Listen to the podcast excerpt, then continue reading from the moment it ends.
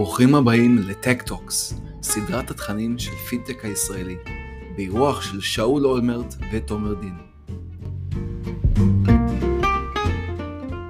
מתחילים את פרק מספר 12 של טק-טוק, שלמעשה מהערב כבר לא נקרא טק-טוק, אלא פינטק. ולמה שינינו? אז uh, האמת שזה חלק משינוי רחב יותר, שבקרוב נכריז עליו רשמית ונשתף אתכם בכל פרטיו.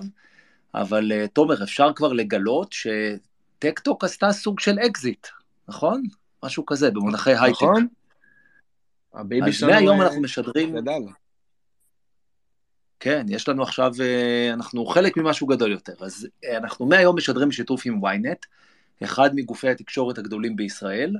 בקרוב נתחיל לערוך את המשדרים האלו מהאולפן של ynet, גם להזמין לשם חלק מהאורחים, לשדר בעוד פלטפורמות ואפילו לצלם בווידאו. אז אנחנו על סף שדרוג משמעותי של המשדרים האלו, שהחלו כאן בטוויטר והפכו לפודקאסט פופולרי. נגביר את התדירות לפעם בשבוע, נשפר את האיכות, נצרף לצוות שלנו אנשים נוספים כדי להביא אליכם מדי שבוע את הקולות, המחשבות והדיונים שאנשי הייטק כמונו עסוקים בהם, וננסה להמשיך להציף חלק מהנושאים שאנחנו נתקלים בהם בעבודה שלנו ורוצים לחלוק אותם עמכם. והערב אה, אנחנו אה, מעלים אה, לנושא דיון שהוא מרתק במיוחד, והאמת היא שהבוקר כשפרסמנו את זה שהערב אנחנו עורכים space בנושא הייצוג החסר של נשים בהייטק הישראלי, לא ידענו עד כמה הנושא רגיש. הופצצנו בתגובות מכל הכיוונים והזוויות. הנה כמה מהן. אני מצטט. מה יש לדבר על נשים בהייטק? אם יותר נשים ילמדו מדעי המחשב, יהיו יותר מתכנתות, מה לא ברור פה? שיפסיקו להתבכיין. אוקיי? כמה צבוע ששני גברים יוזמים דיון על נשים בהייטק. זה גורם לכם להרגיש נאורים, חכמים, מצפוניים, אולי פשוט תזכרו יותר נשים לחברות שלכם במקום לדבר על זה. ואחרון, אני מעריצה אתכם על היוזמה והדיון החשוב הזה, אבל תגיד, לא ראוי שלדיון כזה יהיו רק מרואיינות ולא מרואיינים? וזה ממשיך. בקיצור, הערב ננסה באמת ובתמים להבין יותר לעומק את הסוגיה הנפיצה הזו, ונארח כאן אנשים וגברים שאכפת להם מהנושא הזה, והם ישתפו אותנו איך הם מתמודדים איתו ואילו פתרונות הם מציעים לכם לנסות. נגיד מראש, זה נושא רגיש. אנחנו מבינים שיש כאן פוטנציאל גבוה להיעלבויות, וקל לייחס כל אמירה וכל בחירת מילים לבורות, התעלמות או כוונה רעה, אבל אנחנו מבטיחים לכם שזו אינה מטרתנו. אנחנו כאן כדי לנהל דיון ער, פורה, מעניין, ושכל אחד מאיתנו יצא ממנו עם עוד כמה תובנות, וחשוב מזה, עם מודעות מוגברת לחשיבות הנושא. ואולי בזה נפתח. אז למה הייצוג החסר של נשים בהייטק הוא נושא כל כך חשוב או כל כך בעייתי? הוא בעייתי מכיוון שההייטק הוא הקטר המוביל את המשק הישראלי, הוא חוד החנית של פוטנציאל ההשתכרות והמוביליות החברתית בישראל, ובחברה שסובלת מרמה מוגברת של אלימות נגד נשים, הדרת נשים מהמרחב הציבורי וערעור על זכויות יסוד של נשים, היכולת שלהן להשתלב בתעשייה המובילה את המשק היא אבן דרך הכרחית בדרך לשוויון מגדרי. בואו נדבר קצת במספרים, נציין כמה עובדות. אז בנתונים עדכניים שפרסמו, שפרסמה לאחרונה אגודת אישה בהייטק, בשיתוף עם רשות החדשנות, עולים הממצאים הבאים. רק באחת מעשר חברות סטארט-אפ בישראל מכהנת אישה בתפקיד המנכ"ל. נשים מהוות כ-22% מכלל חברי ההנהלה בחברות הייטק. זה אומר שבכל פעם שאתם בהנהלה של חברת הייטק יש אישה אחת, יש לצידה ארבעה גברים. נשים מהוות רק כשליש מכלל העובדים בתעשייה. והבעיה, מסתבר, מתחילה עוד הרבה לפני שמגיעים לעבודה בהייטק. על פי המחקר, נשים מהוות פחות מרבע מהמשרתים בתפקידים טכנולוגיים בצבא. ואם נלך עוד קצת אחורה, נגלה שכבר בבית הספר יש פער משמעותי בין בנים לבנות, כשרק שליש מתלמידי מדעי המחשב לבגרות בהיקף של חמש יחידות הינן בנות. עכשיו, יש כאלה שיגידו שהנתונים האלה לא נשמעים כאלה גרועים, כי התרגלנו למציאות אה, קיצונית אפילו יותר, אה, ויש כאלה שאומרים שאולי יש מקצועות שיותר מתאימים לנשים ויותר מתאימים לגברים וזה בסדר, אה, אבל אין להתכחש לכך שנשים בהייטק נמצאות במיעוט, ולצד ההיבט המספרי עולות שאלות חשובות. האם סביבת העבודה פתוחה יותר לגברים? האם האווירה והתרבות הארגונית דוחקות נשים החוצה? האם אפליה מתקנת וניסיונות מודעים לקדם נשים תורמים לשילובן בתעשייה, או אולי משיגים אפקט הפוך? נזכיר רק שוב לפני שנתחיל, מדובר בנושא רגיש. אז אם אחד מאיתנו אמר משהו שנשמע לכם מקומם, לא מספיק רגיש או לא מספיק מכיל, סביר להניח שזה יותר ביטוי לחוסר מודעות ולא לכוונה רעה. אנחנו גם מודעים לכך שקיימת קשת מגדרית רחבה והעולם אינו מורכב רק מגברים ונשים, ואפשר בהחלט לפתוח את הדיון גם להתמקדות בבעלי זהות מגדרית גמישה. אנחנו מתנצלים מראש אם לא, אם הדיון שלנו יצטמצם רק לגברים ונשים ולא נזכיר בכל פעם מחדש שישנם גם בעלי מגדרים אחרים. זה לא מכוונה לשלול או לבטל חלילה, רק על מנת אה, לפשט את הדיון. אז בואו נתחיל ונגיד ערב טוב לשחר צפריר, שחר הוא אה, שותף מנהל בקרן אה, TLV Partners. אה, שחר, ערב טוב. אהלן, ערב טוב שאול ותודה רבה על ההזמנה. ותודה שהצטרפת אלינו. אז בוא נשאל אותך, קודם כל, אתה במקצועך, אתה אה, רואה המון המון חברות שהן פוטנציאל להשקעה, נכון? כמה בערך, כמה חברות אתה מגיעות אליך לפגישה אה, בניסיון אה, לגרום לקרן שלך להשקיע בהן, בשנה נגיד, או בחודש? אה, בהערכה אני רואה בין, אה, בפגישות face to face בין 100 ל-200 חברות בשנה. בין 100 ל-200. ביחד עם השותפים שלך, אני מניח שמדובר על אה, משהו כמו 600, 700, אולי אפילו 1,000 חברות בשנה. הם עובדים יותר קשה ממני, אז הם בטח רואים יותר. מדהים. אז אני יכול להניח שסטטיסטית, בגלל שנשים הם 50% מהאוכלוסייה, שבטח, אה, אם אתה, אתה אומר שאתה רואה 200 חברות בשנה, אז בטח 100 מהן מובלות על ידי מנכ"ליות נשים, נכון? I wish. Uh, מתוך המאה עד 200 שאני רואה בשנה, אז אני משקיע בשלוש בערך. אני כרגע בחמישה עשר בורדים, ולצערי רק בחמישה מתוך החמישה עשר אה, צוות היזמיות והיזמים אה, מכיל יזמת, ורק בשלושה מהם היזמת היא גם המנכ"לית. אה, זה יותר טוב ממה שהיה לפני חמש שנים, כשלא הייתי רואה בכלל, אבל זה עדיין רחוק מלהיות מה שהייתי רוצה. ותגיד, יש כשאתה מוצא שיש לך מוטיבציה, בגלל שאתה מודע לחשיבות הנושא, יש לך מוטיבציה יתרה להשקיע בחברות שמובלות על ידי נשים? זאת אומרת, אתה חושב שצריך לפעול באופן אקטיבי כדי לשנות את הסטטיסטיקה הזו?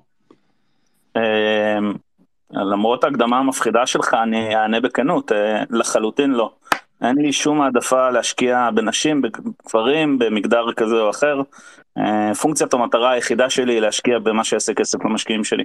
אז ברמה האישית משמח אותי מאוד מאוד כשאני רואה יותר יזמיות, וכשיוצא לי להשקיע בחברה שהיזמת היא המנכ"לית, או יש הרבה יזמיות, זה משמח אותי מאוד, אבל זה לחלוטין, המגדר הוא לא פונקציה בקבלת ההחלטות שלי. תגיד, יש, אה, יש לכולנו הרי נטייה, יותר קל לנו להזדהות עם מה שמוכר ודומה לנו. אז uh, אני ככה תוהה, האם uh, לאישה שבאה אליך לקבל השקעה, או לצוות שכולל נשים, יש, הם מגיעים מאיזושהי עמדת נחיתות, בגלל שאולי, uh, אתה יודע, יש שהם פשוט פחות דומים לך. חשבת על זה פעם? זה, זה תחושה שאתה מזדהה איתה? אני לחלוטין מבין את זה, זה משהו שהוא גם מגובה מחקרית. שאנשים נוטים uh, להתקרב יותר לאנשים שדומים להם, uh, וזה כנראה הטעיה שהיא בלתי נמנעת. Uh, אני כן עושה מאמץ מודע uh, לנתק את עצמי מכל ההטיות באשר הן, uh, בתהליך רציונלי. אבל אני חושב שזה קצת uh, עצימת עיניים uh, להגיד שיש חוסר שוויון מגדרי בהייטק בגלל שאנשים אוהבים לעבוד רק עם אנשים כמוהם. אתן לך אנלוגיה, ושזה בגלל אה, משקיעי הון סיכון, הגברים עם הסיגרים, או מה שזה לא יהיה. כן. אני אתן לך דוגמה מעולם השחמט, כי אני מכור לשחמט. אז בעשירייה הראשונה בעולם אה, הגיע רק פעם אחת אישה, ונכון להיום במאה הראשונים בעולם, כנראה גם במאתיים אין אפילו אישה אחת. עכשיו למה? ברור שזה לא בגלל המשקיע הון סיכון כי אין שם, ו, וברור שלא בגלל הבדלי חוכמה, אלא בגלל הסללה חברתית שמייצרת uh, בסיס נמוך יותר לפירמידה. אז אני לחלוטין uh, דוגל בטענה uh, שככל שהבסיס של הפירמידה יהיה יותר רחב זה מה שיעשה את ההבדל ולא העדפה מתקנת או החלטות לא רציונליות אחרות. אבל כשמגיעים אליך אנשים לקבל השקעה, אז אתה מסתכל למשל על הרקע של היזמים. ואם יש להם רקע אקדמי או תעסוקתי אה, יותר מרשים, כנראה שיש יותר סיכוי שאתה תבטח בהם אה, להוביל את החברות שאתה משקיע בהן. ולנשים, בגלל, ש, בגלל התנאים שדיברנו עליהם אה, מקודם, ואתה מציין, בגלל ההסללה הזו, הן בעצם באות מעמדת נכנות, יש פחות סיכוי סטטיסטית שתפגוש נשים שיש להן את הרקע המקצועי ואת הניסיון שיש לגברים באותו הגיל, למשל. אז בעצם יש כאן איזשהו פער שאנחנו, אם לא ניקח עמדה אקטיבית כדי לשנות אותו, אנחנו עוזרים להנציח אותו, לא ככה? אני לחלוטין מסכים איתך, אה, אבל עם זאת, אה, בכל מקצוע יש פונקציות מטרה. אה, פונקציית המטרה שלי היא לא לעשות שיפור חברתי. פונקציית המטרה שלי היא לעשות כסף למי שנתן לי כסף, אז זה הדבר העיקרי שמניע אותי. בתוך זה אני פמיניסט ואני מדבר ב, ב, בשפה מכילה ואני לא מרשה שידברו בצורה לא נאותה ואני שמח מאוד ששליש מהשקעות שלי הם יזמיות, אני שמח במיוחד שאני משקיע ככה, אבל אני לא רואה שום אחריות מוסרית אה, לאנשי הון סיכון או לטפל בזה. אני חושב שמקור הבעיה, ושוב אולי אני פה מצמצם ויחלקו עליי, אני חושב שזה גם, גם לא עניין של יותר דוגמאות uh, שיחלחלו למטה, uh, אני, אני חושב שבעיקר זה שהלמטה מאוד מאוד צר, מגיל מאוד צעיר, וזה כנראה משתפר. אגב, אני אתן לך דוגמה הפוכה להסללה. Uh, אני רואה כמעט אך ורק יזמיות uh, כשעברתי להשקיע בעולם הביוטק. אני לא מחפש לעשות שם אפליה הפוכה ולחפש דווקא דוקטורים, אבל 90 אחוז לפחות מהיזמיות שאני רואה הן אה, נשים ודוקטוריות וזה משמח אותי וקל מאוד להבין למה וזה גם מתקף את הטענה.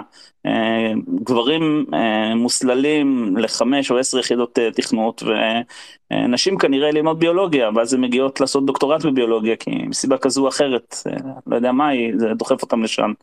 אז כן. זה מה שאני רואה. ובקרן שלכם באופן ספציפי, דיברת קודם על הדימוי הזה של אנשי הון סיכון כגברים אה, עם אה, סיגר שככה תקועים בעולמם, אבל בקרן שלכם אה, למעשה, מבין ארבעה שותפים יש שני גברים ושתי נשים. זאת אומרת, יש כאן איזושהי, גם דוגמה אישית אולי שאתם נותנים ליזמים שאתם עובדים איתם, במקום שבו השוויון המגדרי הוא כן קיים הלכה למעשה. אני חושב ששותפויות uh, כמו זוגיות זה דבר מאוד קשה. Um, uh, והוא בלתי אפשרי כשאין תפיסת עולם או תפיסה ערכית uh, זהה. והסיבה שאנחנו שני שותפים ושתי שותפות ושזה עובד כל כך נהדר ויש בינינו כזו חיבה, זה כי לנו זה מובן מאליו שאנחנו בעולם פוסט פמיניסטי.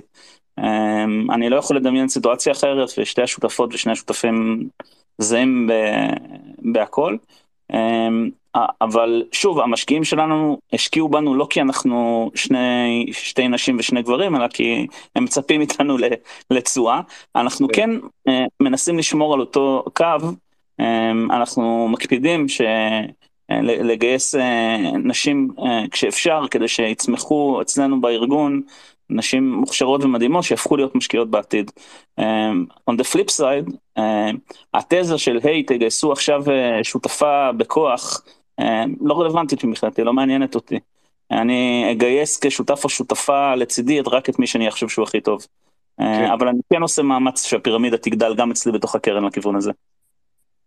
אוקיי, זה טוב לשמוע. אז בוא, אם אנחנו ככה, אה, לסיכום, לפני שנצרף דוברים נוספים, אתה מדבר על זה שאתה נגד אפליה מתקנת, אתה אומר זה לא התפקיד שלי, לא, לא משלמים לי כדי להביא שינוי חברתי, משלמים לי כדי לטייב את ההשקעות של ה-LPs שלנו, וזה מה שמניע אותי, fair enough.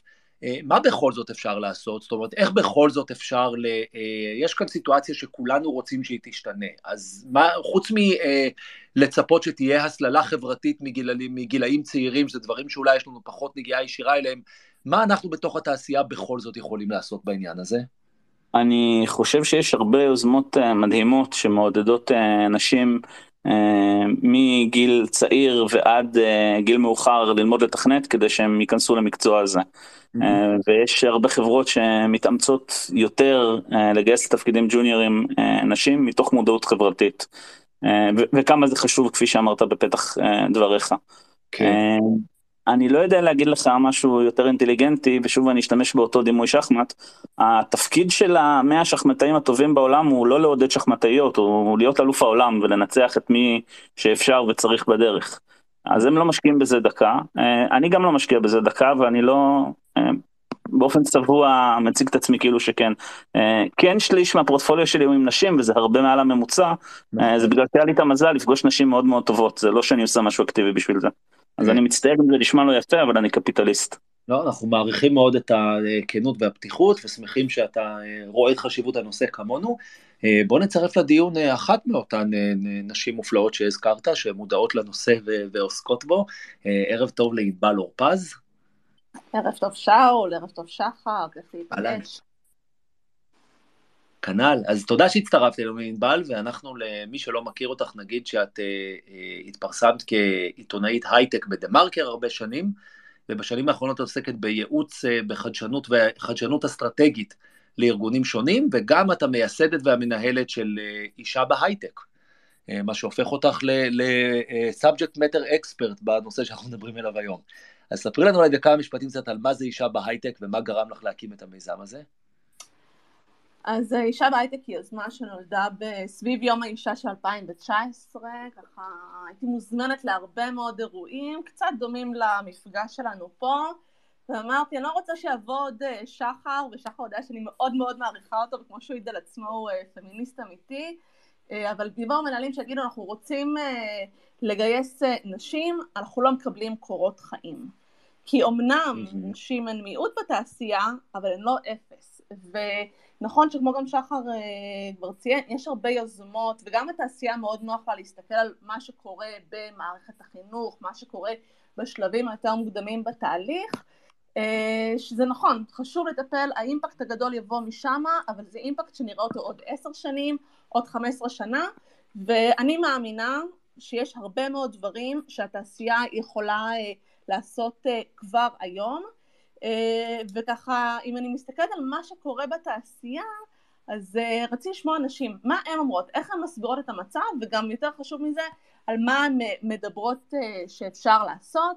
אז שאל, הלכתי בסקר מאוד גדול, אה, שאלתי נשים, מה אתם, אה, איך אתן מסבירות את המצב? וזו הסיבה הראשונה שהם אמרו, זה נכון, הנושא של ההסללה, אה, ומה שקורה שמה, וזה באמת ככה, אני אומרת, התעשייה יכולה להיות פעילה שמה, אבל זה לא, זה לא התפקיד הטבעי שלה, אבל הדבר השני שנשים אומרות, וזה לא עלה עד עכשיו בשיחה, וכדי, באמת, אם רוצים באמת להתמודד עם הבעיה של נשים בהייטק, שהבעיה היא שאין מספיק נשים בהייטק, זה ההשפעה של האימהות אה, והקושי של נשים לנהל קריירה וגם אה, להקים משפחה באותו זמן, שזו אולי אמירה שהיא עלולה להישמע לא פמיניסטית, נכון? סיפרו לנו uh, ש- you can have it all at the same time, גם משפחה, גם קריירה, אבל האמת היא שכל עוד אנחנו חיים בתרבות שבה אין שוויון ברוב uh, המשפחות בין uh, ההורים ורוב הנטל נופל על נשים, אז עדיין זה uh, הסיבה שהיא הכי מקשה על נשים, ואגב כבר עכשיו גם בתגובות אה, מישהי הגיבה את זה, על הפיל שבחדר, הריון, הורות, לידה, mm-hmm. מה שקורה אחר כך, ואזור שני שבו בוודאי יש לתעשייה אה, מה לעשות, הוא המחסור במודלים של נשים לחיקוי, ואם אני ככה אנסה עוד יותר לרדד את זה, זה כל מה שקשור אה, לניהול ולקדם יותר נשים לשם. אז אני חוזרת ככה לאישה בהייטק, המשימה ש, שלקחתי על עצמי זה ברגל אחת שאישה בהייטק נשענת עליה, זה לייצר את בסיס הידע של מה אפשר לעשות באמת כדי לשנות את המצב ולייצר את בסיס הנתונים, למשל כל הנתונים שאתה אה, הבאת בתחילת המפגש הזה שהם לקוחים אה, מתוך אה, דוח שהוצאתי ביחד עם רשות החדשנות במרץ האחרון וברגע לשנייה להנגיש את המידע הזה החוצה, גם בערוצים שהם אה, לקהל אה, הרחב וגם באופן פרטני אה, לעבוד עם ארגונים ולעזור להם ולעבור את התהליכים ולהבין מה אפשר לעשות. כן.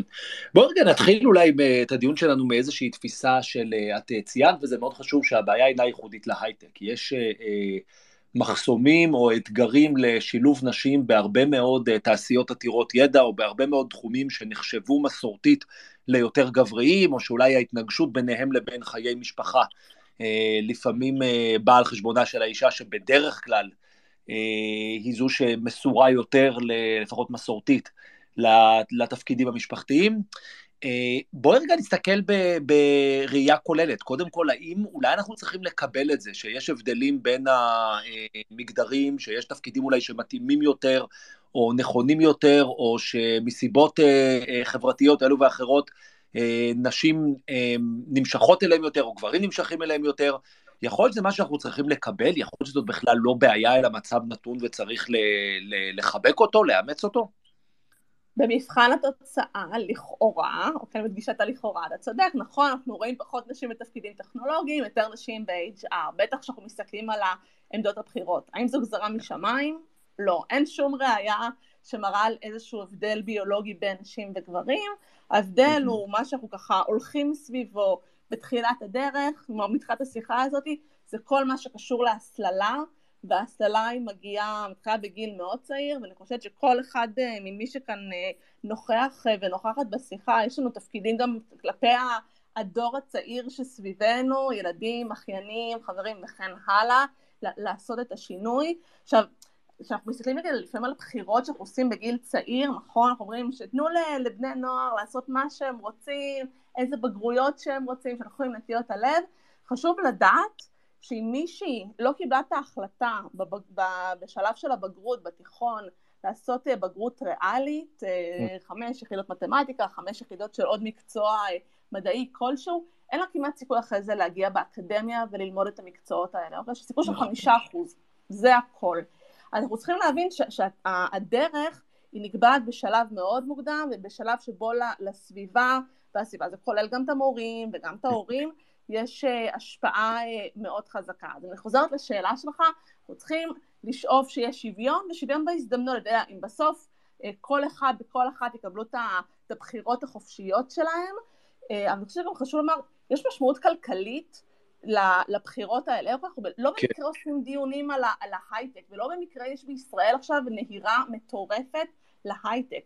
ההייטק הוא המפתח היום בישראל לצמצם פערים, להרוויח יותר טוב, להיכנס למעגל של אנשים שאיכות החיים שלהם היא יותר טובה, ולכן אנחנו רוצים לראות שם יותר נשים, וגם יותר מכל אחת מהקבוצות האחרות שהן בתת ייצוג. הרבה מהדברים שאנחנו מדברים עליהם בהקשר של נשים בהייטק, אפשר לקחת אותו לכל קבוצת אה, מיעוט אחרת בתעשייה. נכון. נכון, אז אולי באמת, אה, מי שמלווה מקרוב... כן. עכשיו, רק לפני זה אני אגיד שזה אחלה הזדמנות, שאם אתם בשידור הלייב, ואתם רוצים להגיב, אז יש פיצ'ר חדש בפינה, שתוכלו אה, לצייץ אה, תגובה בתוך השיחה, ואנחנו אולי גם אפילו נעשה פיצ'ר לכמה מהתגובות בסיכום. יאללה, מעולה. ענבל, אני, אני חוזר אלייך, יש, כמי שמלווה נשים ועוסקת בנושא הזה של, של שילוב נשים בתעשייה, איפה את רואה את הקושי? זאת אומרת, הקושי הוא בקליטה של נשים למקצועות, ב... אה, אחרי זה בהשתלבות בתוך סביבת עבודה שיש בה רוב גברי, איפה את רואה את עיקר הקושי או את המקום שבו אנחנו יכולים לעשות את השינוי והשיפור כדי אה, לצמצם את ממדי התופעה? אז קודם כל, נושא אחד סופר מהותי, אי אפשר לצמצם בו, זה באמת כאילו, אני צריכה לבחור משתנה אחד שהוא מסביר את החוויה של נשים אה, בתעשייה, זה הנושא של ההשפעה של האימהות על הקריירה שלהם, אני רואה גם בתגובות, כותבים פה, זה לא הריון, זה חופשת הלידה, זה כל המשמעויות מסביב ומה שקורה גם אחרי שנשים הופכות להורות ואם אנחנו מסתכלים על זה מנקודת המבט של ארגונים, כן, ארגונים צריכים לשאול את עצמם איך הם מאפשרים מסגרת עבודה שהיא גמישה, שמאפשרת גם לאימהות להמשיך ולהתפתח ולהתקדם. Mm-hmm. זה אזור אחד סביב כל מה שקשור אה, להבנה הזאת. נושא שני, ש- שהחסם, אני, אתה יודע, אני לא רוצה מה, מה זה החסמים העיקריים עבור נשים, אני רוצה לדבר, בוא נדבר על מה, מה התעשייה, מה הארגונים יכולים לעשות. אז אנחנו כן. רואים שאין מספיק נשים בעמדות uh, בחירות, uh, ובאותה בדיקה שאנחנו עשינו באמת סביב הדוח אה, של נשים בהייטק, הסתכלנו בחברות הכי גדולות בהייטק הישראלי, חברות ציבוריות שמעסיקות מעל לאלף עובדים, חברות שהן גם המנפיקות הטריות, שהן כאילו יותר דור חדש ומודע שהנפיקו בשנתיים האחרונות, בסוף ראינו, רוב המנהלות הן HR, הן פיננסים, נכון. הן legal consultant.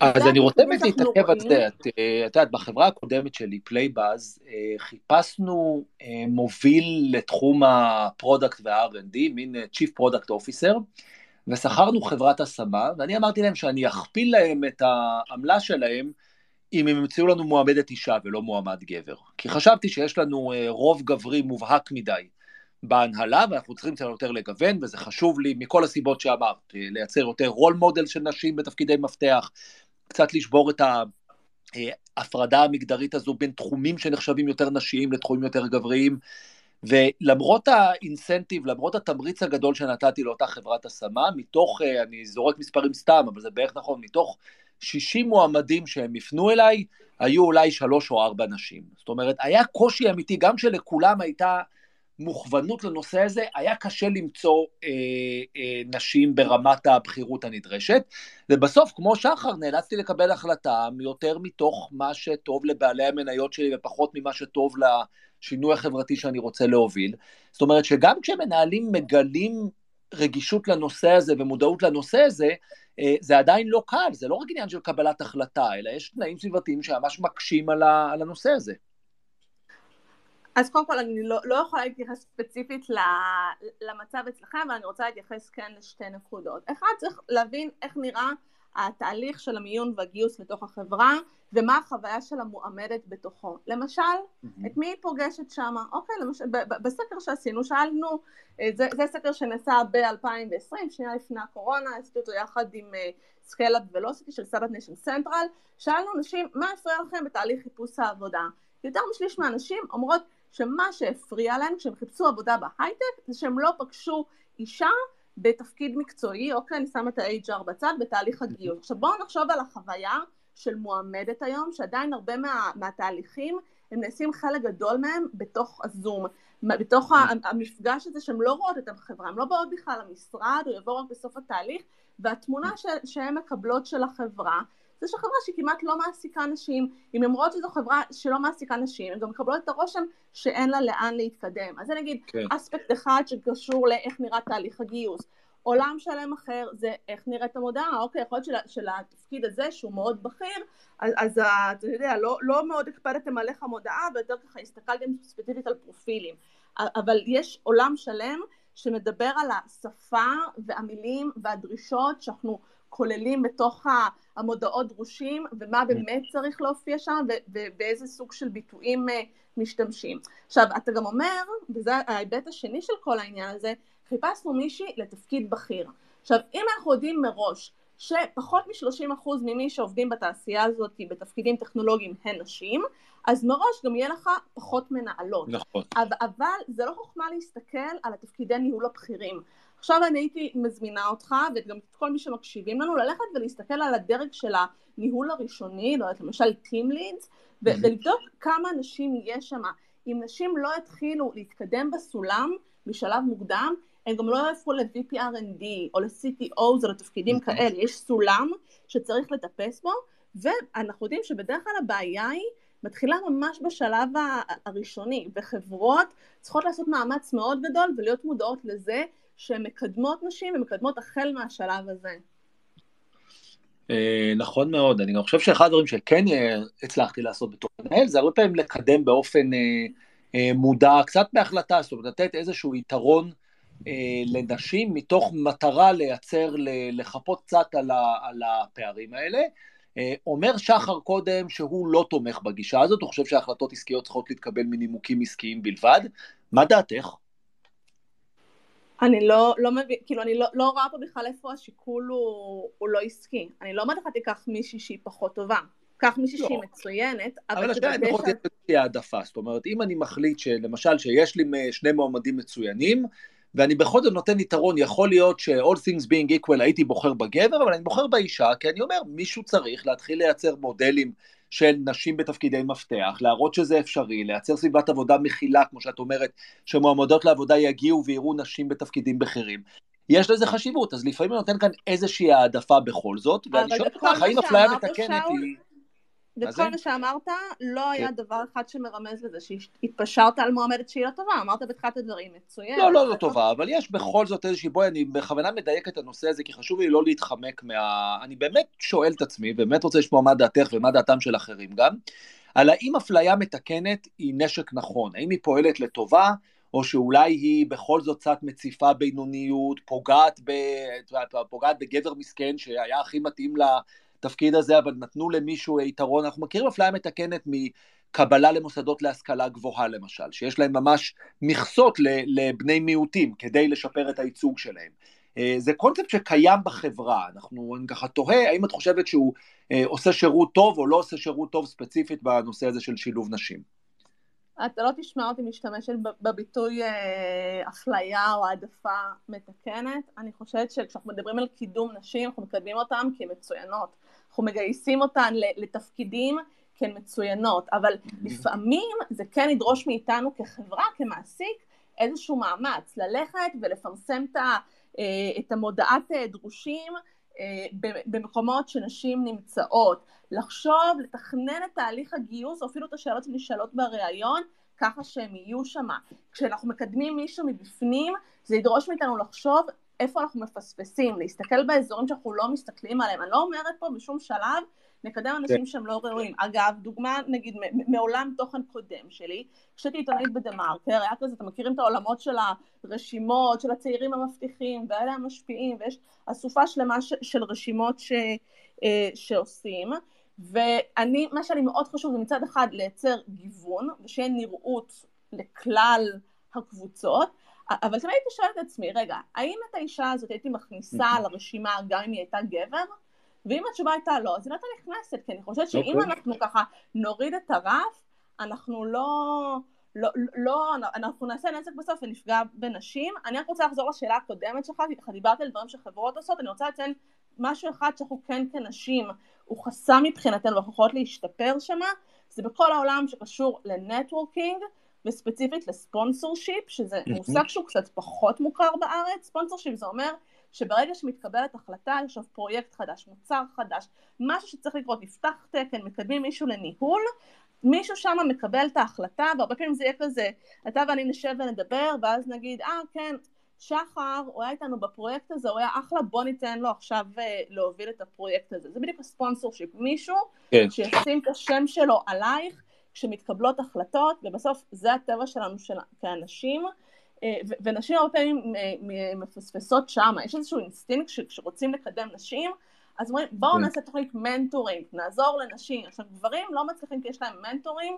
גברים מצליחים כי הם מאוד טובים ביצירה הזו של הקשרים, ויש להם הרבה מאוד ספונסורים, אה, וצריך לייצר את זה, וזה דווקא בדינמיקות הקטנות, ובשיחות מסדרון, ובדברים הלא פורמליים, וזה מקום שאנחנו יכולות להשתפר בו.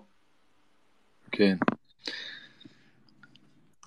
אמ, טוב, אני רוצה לצרף לדיון גם אה, שני אורחים נוספים שלנו, את אה, רות ואור, אבל שנייה אחת לפני שאנחנו מצרפים כולם ומזמינים גם את שחר לחזור ל, אה, ככה לשולחן העגול יחד עם כולנו.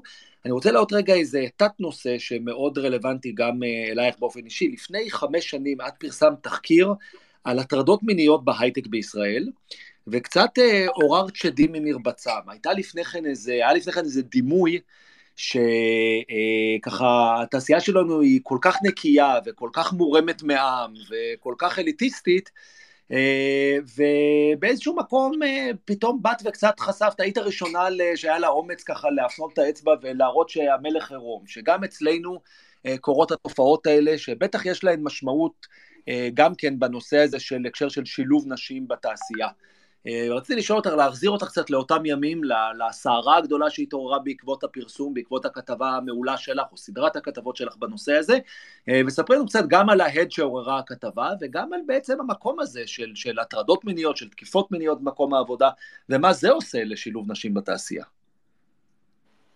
אז כן, אנחנו חוזרים אחורה בזמן ל-2017, כן, רגע לפני שמתפוצץ בעולם הסיפור של מיטו, אה, אני מתחילה ככה לדבר עם נשים בתעשייה, אני כתבת בדה מרקר באותה תקופה, אני ככה צריכה לדבר עם נשים ואני מבינה שמתחת לכל אה, אבן שאני מרימה נמצאת אישה שעברה איזושהי הטרדה מינית. עכשיו חשוב לומר, זה לא תמיד דברים שהם הגדרה מינית, סליחה, אה, הטרדה מינית לפי הגדרה של אה, לשון החוק, אבל זה בחוויה של, אה, של נשים מגוון של סיטואציות, בין אם זה יזמות אה, שיצאו לגייס כסף ממשקיעים, משקיעות שיצאו לגייס כסף מ-LPs, נשים שנמצאות הרבה בסיטואציות של נוסעות לכנסים בלאס וגאס ומה שקורה בהם, כל מיני סיטואציות מאוד לא נעימות, והבנתי שיש כאן משהו. אה, בהתחלה גם במערכת לא, לא כל כך ידעו איך לאכול את זה, אה, אבל ככה כעבור כמה חודשים שבאמת התחיל להתעורר בארצות הברית הסיפור של מיטו, אה, נוצר גם בארץ מומנטום שאפשר היה לעסוק בזה ולחשוף את זה ובאמת ככה לנער את ההייטק מהתדמית שלו, שהדברים שאנחנו יודעים שקורים בצבא, במשטרה, במקומות אחרים, קורים גם בתעשייה הזו. אני יכולה לספר לכם ש, שרגע לפני שה, שהתחקיר יצא והתחלנו להוציא ממנו טיזרים, אז היו כל מיני בכירים בתעשייה שקשרו אליי וניסו למנוע את הפרסום של הכתבה, ואמרו לי שאני הולכת לעשות נזק, ובגללי אה, משקיעים לא יפגשו יזמות, ואני הולכת רק אה, לעשות רע לנשים. אה, בדיעבד חלק מהם התקשרו והתנצלו והודו שהם טעו, וזה גם שלח הרבה גופים לעשות בדק בית, אבל כשהסיפור הזה יצא אז באמת הייתה רעידת אדמה מאוד גדולה. שאני חושבת שאפשר לומר שזה התחיל לגלגל כדור שלג שהוא לא נעצר עד היום, אחרי זה גם פורסם תחקיר גדול אה, בעובדה, אה, בנוגע אה, לרמי ברכה, משקיע שהיה באותה תקופה בקרן פיטנגו, אבל לצערי גם היום הסיפור של הטרדות מיניות בהייטק ובכלל הוא לא מטופל, נשים ממשיכות לעבור מגוון של אירועים ומעדיפות לא ללכת למשטרה כי הן יודעות שהתיק שלהן ייסגר ולא הולכות לתביעה אזרחית שלפעמים זה חבל ויש לנו עוד הרבה מאוד עבודה לעשות בתחום כן. הזה. אני מסכים. אז בואו רגע נצרף לעוד אה, אה, אה, תומכים לעבודה הקשה שלנו הערב, ונגיד ערב טוב לרות פולצ'ק ולאור אור לנצ'נר. מה זה כל הצ... כן, הצדיק עם האפוסטרופיל הזה, זה מסובך להגיע. אהלן, ערב טוב לשניכם. ערב טוב. ותודה. לפחות הצלחת להגיד בול כמו שצריך. כן, לא קל, לא קל. אה, אז אה, בואו קודם כל נציג אתכם ונספר קצת למאזינים שלנו מאיפה אתם, במה אתם עוסקים. רות, את גם מנכ"לית של חברת הייטק, וגם אה, פעילה בנושא שאנחנו מדברים עליו, באמצעות מיזם נוסף, שאת, מיזם ללא מטרות רווח, שאת הקמת ומנהלת במקביל. אז בואי ספרי לנו קצת על, קודם כל על ככה, על תחום העיסוק שלך. אז אני יזמית באמת הרבה מאוד שנים. אה, הזכרתם בהקשרים שונים אה, יזמיות, אז אני יכולה לספר מחוויות אישיות הרבה מאוד דברים. Mm-hmm. בין היתר אה, הקמתי את שיקוץ בהקשר הזה, אבל זה כן. באמת משהו שצמח לאורך השנים מחוויות יחד עם עוד מתכנתות, שאנחנו כולנו חוות הרבה דברים, ואני חייבת להתייחס לחלק מהדברים שדיברתם עליהם. כן. איכשהו דיברתם על דיכוטומיה כשמקדמים נשים, אם זה כאילו תמיד כשמקדמים מישהי זה פתאום נהיה דיון, האם זה בגלל שהיא אישה, וזה, חייבת להגיד שזה מאוד חרה לי לשמוע את זה. אה, זה ממש, אה, זה פשוט לא הנושא, כאילו בכלל כל הביטוי עצמו, העדפה מתקנת זה איזשהו ביטוי אה, שבעצם מרמז שיש איזושהי בעיה, ושכשמעדיפים מישהי זה תמיד על, על חשבון. כן. ובעצם זה לא העדפה מתקנת, זה תיקון אפליה, וזה הביטוי היותר נכון. כי בדרך כלל כשמקדמים מישהי, זה מישהי שהייתה צריכה לעבור הרבה הרבה יותר, ולירוק הרבה יותר דם בשביל להגיע לאן שהיא הגיעה, ולכן הרבה פעמים הסיכוי שהיא תהיה מוצלחת יותר ממה שמצפים ממנה, אה, הוא, הוא מאוד מאוד גבוה, ו, ורואים את זה פעם אחר פעם. אז אה, כן. לכן זה לא איזושהי דיכוטומיה של אה, כזה או אחר, ו... בכל מקרה גם לא תמיד יש תשובה נכונה, כי לכל בן אדם יש חוזקות אחרות, אז אה, אי אפשר לבוא ולהגיד, נכון. אה, במאה אחוז הבן אדם הזה יכול להיות יותר מוצלח מבן אדם אחר, פשוט יש פחות הזדמנויות שעומדות בפני נשים, ואם מישהי יגיע כל הדרך למקום שבו הזדמנות מסוג מסוים אה, בהייטק ובניהול וכולי, או יזמות פתוח בפניה, זה בדרך כלל אומר שהיא יגיעה לשם והייתה צריכה לעבור הרבה יותר, וכן הסיכוי שהיא גם תתמודד יותר טוב עם האתגרים החדשים שעומדים בפניה הם אה, גבוהים יותר, וזה מהחוויה שאני נמצא. לכן אני רוצה לשאול באמת על העניין של אפליה מתקנת, או תיקון אפליה, כמו שאת אה, מדייקת את זה, הרי יש, אם למשל תיאור המשרה נכתב מתוך נקודת מבט גברית, למשל, למשרות מסוימות אנחנו רוצים תואר במדעי המחשב. על פניו לגיטימי, מצד שני אנחנו יודעים שלגברים יש סיכוי הרבה יותר גבוה להתקבל לתואר במדעי המחשב, כי כמו שראינו מהמחקר שציטטנו קודם של אה, אישה בהייטק ורשות החדשנות, גם ההשכלה התיכונית של אה, בנים במדעי המחשב היא הרבה יותר רחבה משל בנות. אז, אז באיזשהו מקום אנחנו מראש מייצרים קריטריונים שמסלילים את הדרך לגברים ופוגעים ביכולת של נשים להשתלב.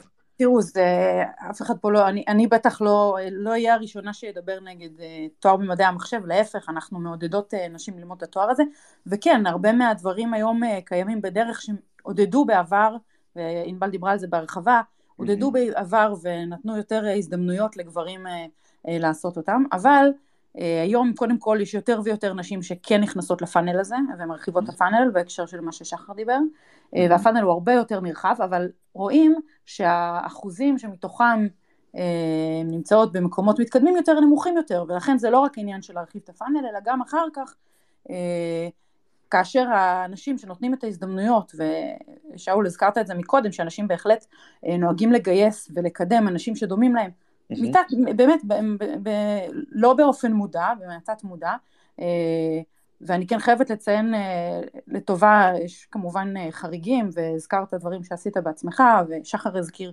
בקרן הון סיכון שלו, שזה באמת, מכירה את אחת השותפים שלו, והשותפות שלו, ובאמת זה ראוי לציון באופן חריג, כי זה באמת משהו שהוא מאוד מאוד נדיר, ולכן האחוזים יותר גבוהים ממה שיש ברוב התעשייה, אבל ברוב התעשייה אנשים לא מקדמים נשים, לא במודע, והרבה פעמים זה אנשים שאתה שומע מדברים אה, בתמימות, כביכול אנשים שמעוניינים לקדם נשים. אה, אפרופו, אה, אמנם זה בשיחת צד, הנושא הזה שהזכרת שענבל חשפה וכל הנושא של הטרדות מיניות, ואני נתקלתי באותה, באותה תקופה שהוא משקיע שאל אותי ככה באמת יכול להיות שיש דברים כאלה ואף אחד לא מכיר? ואני באתי להתפוצץ מצחוק מה זה אף אחד לא מכיר? כולם מכירים כולם זה אני וחברות כן. אה, מודעים לזה מודעות לזה נחשפות לזה ביום יום אה, בהחלט לוקחות את זה כשיקולים בהתמודדויות אה, ופשוט ההייטק של נשים הוא, הוא באור אחר ובעיניים אחרות מחוויה של גברים ולכן אי אפשר לבוא ולהגיד בכל פרמטר ולכן אי אפשר לבוא ולהגיד שדברים הם נמצאים אה, אה, בצורה מסוימת, אלא כן.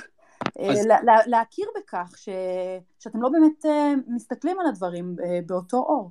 ברור, אני חושב שבאמת יש הרבה מאוד, את יודעת, אני מכיר את זה גם בתור גבר, שהרבה פעמים אני בא בכוונה מאוד טובה, אבל אני לא מודע לעיוורון שלי, לדברים שאני לוקח כמובן מאליו, לכמה הסביבה היא גברית, או לכמה הציפיות הן מוסללות, כמו שקראנו לזה, או מותאמות למציאות גברית. וזה דבר ששווה לפתח אה, יותר אה, מודעות ויותר שיח אה, לגביו, כדי שאנשים עם כוונות טובות, מנהלים גברים עם כוונות טובות, יוכלו להבין איפה הם טועים.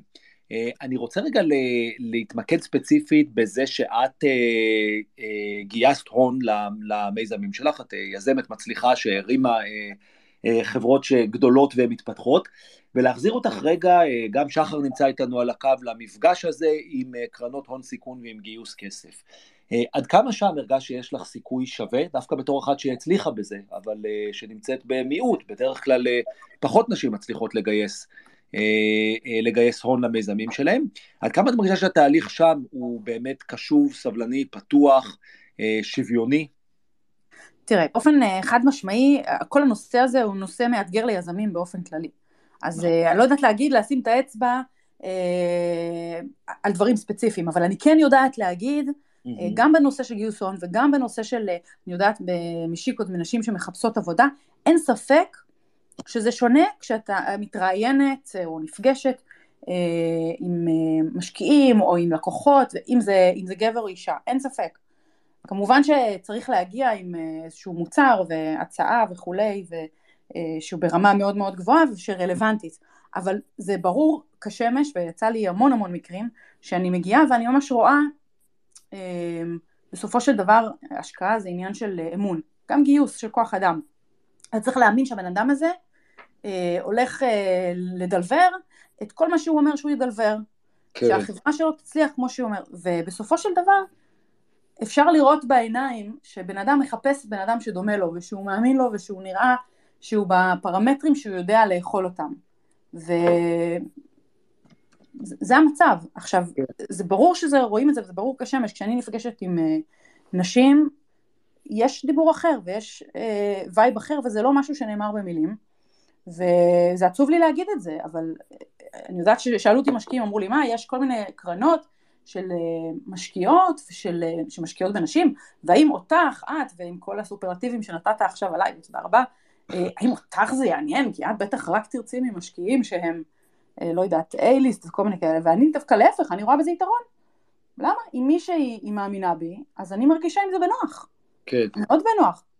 אה, ואני יכולה להגיד ולהעיד, בכלל, לאורך הקריירה, אה, בכלל שותפים שלקחתי, בין אם זה משקיעים ובין אם זה שותפים, תמיד חייבים להיות באותו ראש, בין אם הם גברים ובין אם הם נשים, הם חייבים להיות מספיק דומים לי בגישה, ובתפיסה לדמיון הזה- ובהיסטוריה, וזה בהחלט הרבה פעמים גם עניין של מגדר, אין מה להגיד. אולי בגלל זה יותר חשוב, שוב אה, אני חוזר לנושא של האפליה המתקנת, אולי חובה עלינו בכל זאת אה, לייצר לפעמים קצת בכוח, קצת בעוד השתדלות ובמודעות מכוונת לנושא הזה, תיקון אפליה. לייצר יותר נשים בתפקידי מפתח, כדי להתחיל לייצר את הסביבה הזאת שבסוף אה, מתאימה את עצמה לכולם ולא רק לגברים. אה, אז זו, זה בדיוק התיקון אפליה, זה באמת מביא את המועמדות החזקות באמת, וזה לא, אה, אני יכולה לראות בהרבה מאוד מקומות, ככל שאני רואה שיש, אה, למשל מתחילים לגייס נשים, מחפשים, או בכלל אנשים לתפקיד מסוים, ומחפשים פרמטרים מסוימים, אז בהחלט הפרמטרים האלה הם יכולים להיות רלוונטיים, אבל דיברת מקודם על אנשי HR, חברת השמה שעשתה בשבילך איזשהו גיוס. אה, זה, אני בכלל לא מופתעת מה, מהאאוטקאם, יכולתי, יכולתי לנ, ל, לנחש את זה מראש, כי כן. מה שקורה זה שאנשי HR כשמעבירים לך קורות חיים לאנשי פיתוח או למנהל המגייס, אז הם, אה, הם מתפדחים להביא קורות חיים שאתה לא תשקול ל- לראיין, כי זה מעיד עליהם שלילי, ו, ולכן הם לא יעבירו לך אנשים שהם היו יכולים להתאים, גם אם זה, לצורך העניין, אני לא נכנסת אפילו לכל מה שענבל הזכירה, בהחלט שיש את הטקסט שבו מפרסמים וזה תמיד בלשון זכר, ואז הם לא ניגשים, אבל אני אומרת אפילו שאתה הולך ומחפש את ה talent, יש כל מיני אה, דעות קדומות וכל מיני שטנצים, שזה מה שהם יחפשו, הם אפילו לא ידמיינו לחפש שטנץ מסוג שונה. כן. אה, ולכן ברור שיש פה אה, אה, איזשהו blind spot מטורף, ו, וזה הנקודה שה blind spotים נמצאים בכל מקום, וכמה שלא אה, מתאמצים לעשות את זה, זה כמעט לפעמים בלתי אפשרי, ולכן אני גם לא אומרת, אני לא חושבת שיש הרבה כוונה רעה מה, מהכיוונים האלה, זה פשוט כל כך טבוע בנו ובחברה שלנו ובתרבות שלנו, שצריך באמת להתאמץ בשביל אה, להתמודד עם זה אה, ככל שהם מסתכלים על זה ורוצים אה, להתקדם ולעשות איזשהו שינוי, ואגב השינוי הזה אני רואה אותו כמשהו עסקי, כלומר זה לחלוטין ביזנס, אנחנו גם, אה, הזכרת גם במיזם שלי, אני מסתכלת על זה, גם בשיקות, מסתכלת על זה בעיניים עסקיות לחלוטין, אה, זה משהו שככל שהוא נותן ערך לחברות, הוא נותן ערך לכל אחד מה, מהפרמטרים, וגם מחקרים מראים שכשיש אה, נשים בתפקידים אה, אה, הניהוליים, אז גם הביצועים של החברות טובות יותר. אם זה אפשר אולי על- הדברים רק שרותי רגע, רק, רק אמרה. שנייה ענבל, אז אה, זה אחלה רגע להכניס את אור לשיחה. אמ, אז אור, אתה, דיברו פה מקודם על אה, לטפס בסולם של החברה ולהגיע לתפקידים בכירים. אתה התחלת בחברת אולה ב-2015, והיום אתה מנכ"ל של חברת Bright Data, שהיה איזשהו ספין אוף של אולה, אז אפשר להגיד שאתה טיפסת בסולם הזה. אמ, אהלן, אהלן, טיפסתי אמנם, אבל אני אה, עדיין היום מנכ"ל אה, זכר אה, פריבילג לבן, וכשפניתם אליי, האמת שדבר ראשון שחשבתי עליו זה מי ישמי אה, להיות חלק מהדיון הזה, אבל אז אה, אחרי חמש דקות חזרתי לך, תומר, אמרתי שהאמת שזה משהו שנראה לי שכל כך נכשלתי בו, ואני מאוד אוהב לדבר על הכישלונות, אז אה, אני ממש אשמח להיות פה. אז, אז, אה, אז רות דיברה על blind spots בחברות. האם, איפה אתה רואה blind spot אצלכם בסוגיה הזאת? אז אה, אולי קצת עלינו, משם אני אקח את זה לאיפה, לכישלון, שזה ה blind spot גם. אנחנו היום 450 עובדים, פלוס מינוס, משהו כזה, בערך אה, אזור החצי בישראל, ופחות משליש נשים, שזה קצת, קצת פחות מהממוצע, זה כישלון חרוץ שלי קודם כל. ולפני כמה חודשים קיבלתי מין כאפה כזאת, ואיזשהו אה, שיעור כזה, שהבנתי איך, איך הסתכלתי על, על הכל הפוך, אבל שגם הדעה שהייתה לי, הדעה הרווחת. ותמיד הייתי בגישה של, אה, כן, אני מקבל קורות חיים, אני לא מסתכל אה, דת, גזע ומין, אה, הכי טוב ינצח. ולפני כמה חודשים טסתי לפגוש, בשביל ללמוד על הדבר הזה, את בחורה, אישה מאוד מרשימה בשם Holly Ridings, היא ה-Chief Flight Director של נאס"א, לא פחות. וקודם כל זו הייתה חוויה מטורפת, כי זה התחיל מזעזע, זה היה אני ועוד איזה 20 מנכ"לים, אה, של חברות, בעיקר tech מכל העולם, אני הייתי הישראלי היחיד והכי צעיר, אבל בעצם ישבו לידי 20 גרסאות של העתיד שלי, template, שכפול של, שלי 20 שנה קדימה, אותם מנכ"לים קלאסיים של חברות, גם גברים לבנים פריבילגיים, וכולם באו עם כוונות טובות, אני, אני בטוח בזה, ראיתי את זה ודיברתי, וגם אני באתי עם כוונות טובות, ופשוט התורה שהרביצה שם בנו הייתה כל כך הגיונית וחד משמעית, ותפסנו את הראש, ואיך לא ראינו את זה עד עכשיו. זה כל העניין הזה של אה, אני מקבל קורות חיים ומסתכל והטוב ינצח, הוא פשוט לא תקף. אין, אין פה בכלל עניין של אפליה מתקנת גם, ואין פה עניין של הפאנל לא בנוי טוב, כי הבסיס של הפירמידה, ההתחלה של הפאנל, צר מדי ואין מספיק נשים. אה, היא סיפרה את הסיפור חיים שלה, שאומר שהיא התחילה בנאסא, היא כבר, היא נושקת ל-50, אה, ואחרי הקולג', אז היא בטח 30 שנה בנאסא. היום היא זאתי שממש יש יוסטון we have a problem, והיא כאילו מוציאה את נשיא ארה"ב מהחדר ומטפלת בבעיה, זה, זה התפקיד. אה, סופר בחירה שם. והיא אמרה שלא היה לה למי להסתכל, שהיא סיימה קולג' בנאסא, איזושהי דמות נשית, איזושהי דמות נשית, והיא פשוט לא הגישה קורות חיים. ומישהו שכנע אותה, אותה להגיש קורות חיים, והיא הצליחה והתקדמה, והיא מהנדסת מוכשרת והתקדמה שם. והיא ראתה שכל פעם שעלתה בדרגה, אה, בשרשרת הניהול, כל פעם העובדים שתחתיה, אחוז הנשים גדל. והיא עשתה לדבר הזה מחקרים, זה כבר יש לה רטרוספקטיב של, של, של איזה 30 שנה, היא עשתה מחקרים בארגון, וזה ארגון עצום, יש המון דאטה, וזה פשוט היה זה, ברגע שהיה למי להסתכל למעלה, בהנהלה, יותר קורות חיים של נשים הוגשו. אז פתאום כן היו מהנדסות מוכשרות. זה לא שיש מספיק, אין מספיק, ובאמת יש את עניין ההסללה, אני מניח. אבל פתאום ברגע שהיה שם רול מודל, איזושהי דמות נשית חזקה, שאפשר היה להזדהות איתה ולהגיד גם אני יכולה, ו- וזה לא אני אומר, אלא מה שאני משחזר את מה שהיא אמרה. גם אני יכולה וגם יבינו אותי, וכשלי תהיה איזושהי בעיה, אז תהיה לי אוזן קשבת, שהיא גם אישה שגם חוותה את הבעיות האלה. פתאום כמות הקורות חיים שהוגשו לנאסא, מהנדסות מוכשרות, עלתה ועלתה ועלתה. כן. וזה באמת אה, עשה שינוי אצלי אישית, באיך שאני מסתכל על הדבר הזה, וכן, הסיבה שאנחנו לא מקבלים קורות חיים זה לא כי אין, זה כי מסתכלים על הארגון ואומרים, למה אני אגיש קורות חיים שם? כאילו, אין, כן. אז גם אני לא אצליח. דבר באמת על הנושא של הריקרוטמנט. מדהים. צעד קדימה ולשאול מעבר לזה, נגיד סתם, אה, תיאורטית, אם הייתי עכשיו עושה אה, סקר בין העובדות בארגון שלך, והייתה מתקבלת ממנו תמונה שהן אומרות שהן אה, לא מרגישות בסביבה מספיק בטוחה או מספיק מכילה, זה היה מפתיע אותך כמנהל? זאת אומרת, אתה מודע לזה שאולי יש תופעות כאלה גם בתוך הארגון שאתה מנהל? זה היה מאוד מפתיע אותי, אני ממש ממש אה, לא, לא, לא אשמח לקבל כאלה תשובות. אני, אני באמת ובתמים מאמין שלא אקבל, אבל יכול להיות שזה כן. תמימות אחרת. ש... אתה יודע, אני שואל כי אני כמנהל חוויתי את זה. זאת אומרת, אני מרגיש שהייתי תמיד מאוד accommodating, אה, מאוד welcoming, אה, מאוד מסביר פנים לנשים, מאוד אפילו משתדל לעשות אפליה מתקנת, אבל בהרבה מקומות פשוט לא ידעתי שיש אה, מאפיינים מאוד גבריים בשיח או באווירה, ואני תוהה האם נגיד לך כמנהל יצא שעובדת העירה על משהו מהסוג הזה? אה, האם נתקלת בתופעות כאלה גם אצלך? אמ, לא שזכור לי, אבל אה, אני, אני חייב לצאת מנקודת הנחה שזה קורה וקרה. אמ, כן. לצערי.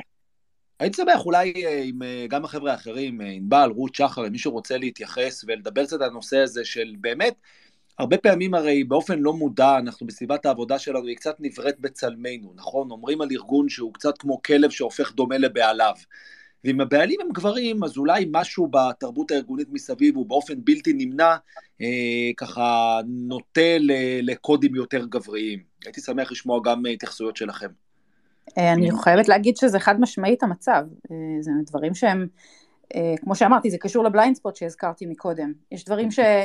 אני יכולה להגיד אפילו כאישה שאני לא מודעת אליהם עד שאני לא אה, חווה אותם אישית, והיה לי את החוויה אה, די משמחת השנה לחוות פעם ראשונה אה, את כל הנושא של אימהות, וזה שאני באמת הייתי צריכה לחנות רחוק וללכת רחוק בהיריון, כי לא היה אה, חנייה לנשים בהיריון, ממש, אה, כאילו זה באמת הטריד אותי בכמה מקומות שהלכתי לפגישות בחברות הייטק, ופתאום כן. חוויתי ואמרתי, וואו, זה דברים שהם אה, שמעתי את שריל סנדברג מדברת על זה בעבר.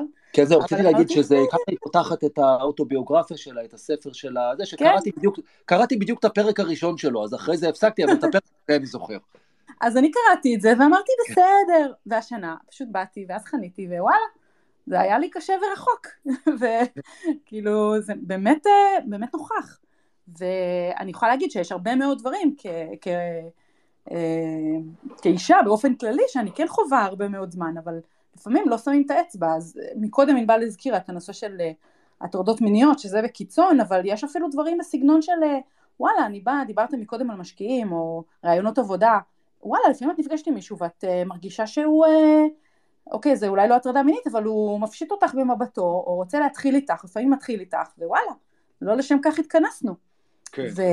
ואני רוצה שיתייחסו אליי בצורה מקצועית וזה בהחלט בהחלט דברים שכשיש אה, עניינים חברתיים, הרבה פעמים, אה, אה, אני יודעת את זה גם שיקו, זה ממש חוויה מאוד מאוד קשוחה, הרבה גברים אומרים, אה, אנחנו רוצים לגייס נשים, לא כי אה, אני רוצה להיות חברתי, אלא כי וואלה, זה יהיה לי מגניב, שיהיה פה נשים. כן. ואני לא אומרת, אני לא נגד זה, אבל לפעמים זה ככה לא מרגיש... זה מגיע מהסיבות הלא נכונות, את אומרת. כן, נשים מעוניינות שיגייסו אותן כי הן מקצועיות וטובות, אז הרמיזה שמגייסים אותן כי הן נשים, אף אחד לא מעוניינת בזה. כן.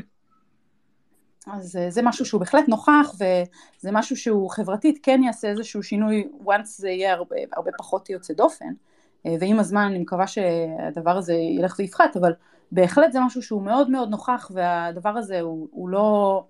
אה, הוא לא, הוא לא לחיוב על החברות, ויש דברים שהם, אפילו דברים שהם צחוקים של החברה ובדיחות שמכניסים לתוך הקוד וכל מיני דברים שאנחנו שומעות עליהם ורואות אותם, ומילים שמשתמשים בהם בחברה או ברעיונות, שבגללם אכן לא, לא מגייסים. אני פעם אחת אה, יצאתי עם איזה מישהו והוא אמר לי, אצלנו אין הרבה נשים בחברה, היו, הם עזבו, אבל אנחנו מאוד מאוד פתוחים ומאוד מאוד אה, מקבלים, וכולנו מאוד, ואני פשוט אמרתי לו, זה פשוט פלא סטטיסטי כזה, שאיכשהו כל הנשים... בדיוק, כולם עוזבות משום מה. כן. אני אשמח אה, להמשיך איפה שרותי עצרה, יש לנו צוות של סביבת עבודה שוביניסטית, זה קורה, אבל אני חושבת שיש דברים שהם, שהם הרבה יותר כזה עדינים, מורכבים, נמצאים מתחת לפני השטח. אז אני אתחיל אולי בדברים ששאול אמרת בפתיחה, שמאוד הופתעת מעוצמת ההתנגדויות והאמוציות שזה עורר. Mm-hmm. אם אני אגיד את האמת, אני לא הופתעתי מזה בכלל, אגב, אני גם קיבלתי כל מיני אה, ריקושטים ותגובות, אבל זה לא הפתיע אותי, כי כשהתחלתי להרצות ב- בארגונים, ואני מרצה או ככה לפורום כללי של כל החברה, או לפורום של uh, כל מי שהם בדרג הניהולי, שאפילו משפיעים על קריירות uh, של אנשים, בין אם מנהלים מקצועיים או מנהלים בעולמות של ה-HR, הייתי חוזרת הביתה מותשת uh, מהמפגשים האלה, ואחרי כמה זמן הבנתי שזה בעצם מפגש בנטרול של התנגדויות. לכן דוגמה, הגעתי לאיזושהי חברה רב-לאומית, היה שם ה-GM, המנהל אה, של המרכז אה, של אותה חברה בארץ, וככה מדברת על ההשפעה של ההורות. עכשיו, אני יודעת כבר שהדברים שאני אומרת הם מעוררים התנגדות, כי זה לא יעזור, זה פוגש אותנו במקומות אישיים, זה ככה, גברים הרבה פעמים, הדיון הזה קשה להם, לכם, כי, כי כאילו זה ישר שם באיזשהו מקום של אשמה, נכון? אם כן. זה המצב, אז אולי אנחנו גרמנו לזה, להרבה גברים, הם מודים שהם לא מרגישים בכלל בנוח להתעסק ולגעת בזה, בגלל המקום של איזושהי אשמה. אז היא בחברה רב-לאומית, ואני מציגה ככה את הנושא של ההשפעה אה, של האימהות, ובגלל שאני יודעת שהדברים כל כך אה, אה, מעוררים ומלהיטים, אני משתמשת הרבה מאוד בדאטה, ואני מראה ככה נתונים של משרד האוצר, שמראה מה קורה לנשים אחרי אה, שנולד להם אה, ילד ראשון ורואים ממש באופן ברור יציאה של נשים מהמקצוע. ואז בא המנהל של אותו מרכז פיתוח ואומר, אבל אשתי אחרי הלידה היא רצתה לעבור לתחום אחר, למקצוע אחר. עכשיו, יכול להיות שזה נכון, אבל האנקדוטה הפרטית שלו היא כבר לא מאפשרת לו לראות בכלל את הבעיה הרחבה ולהבין שיש כאן איזושהי תופעה.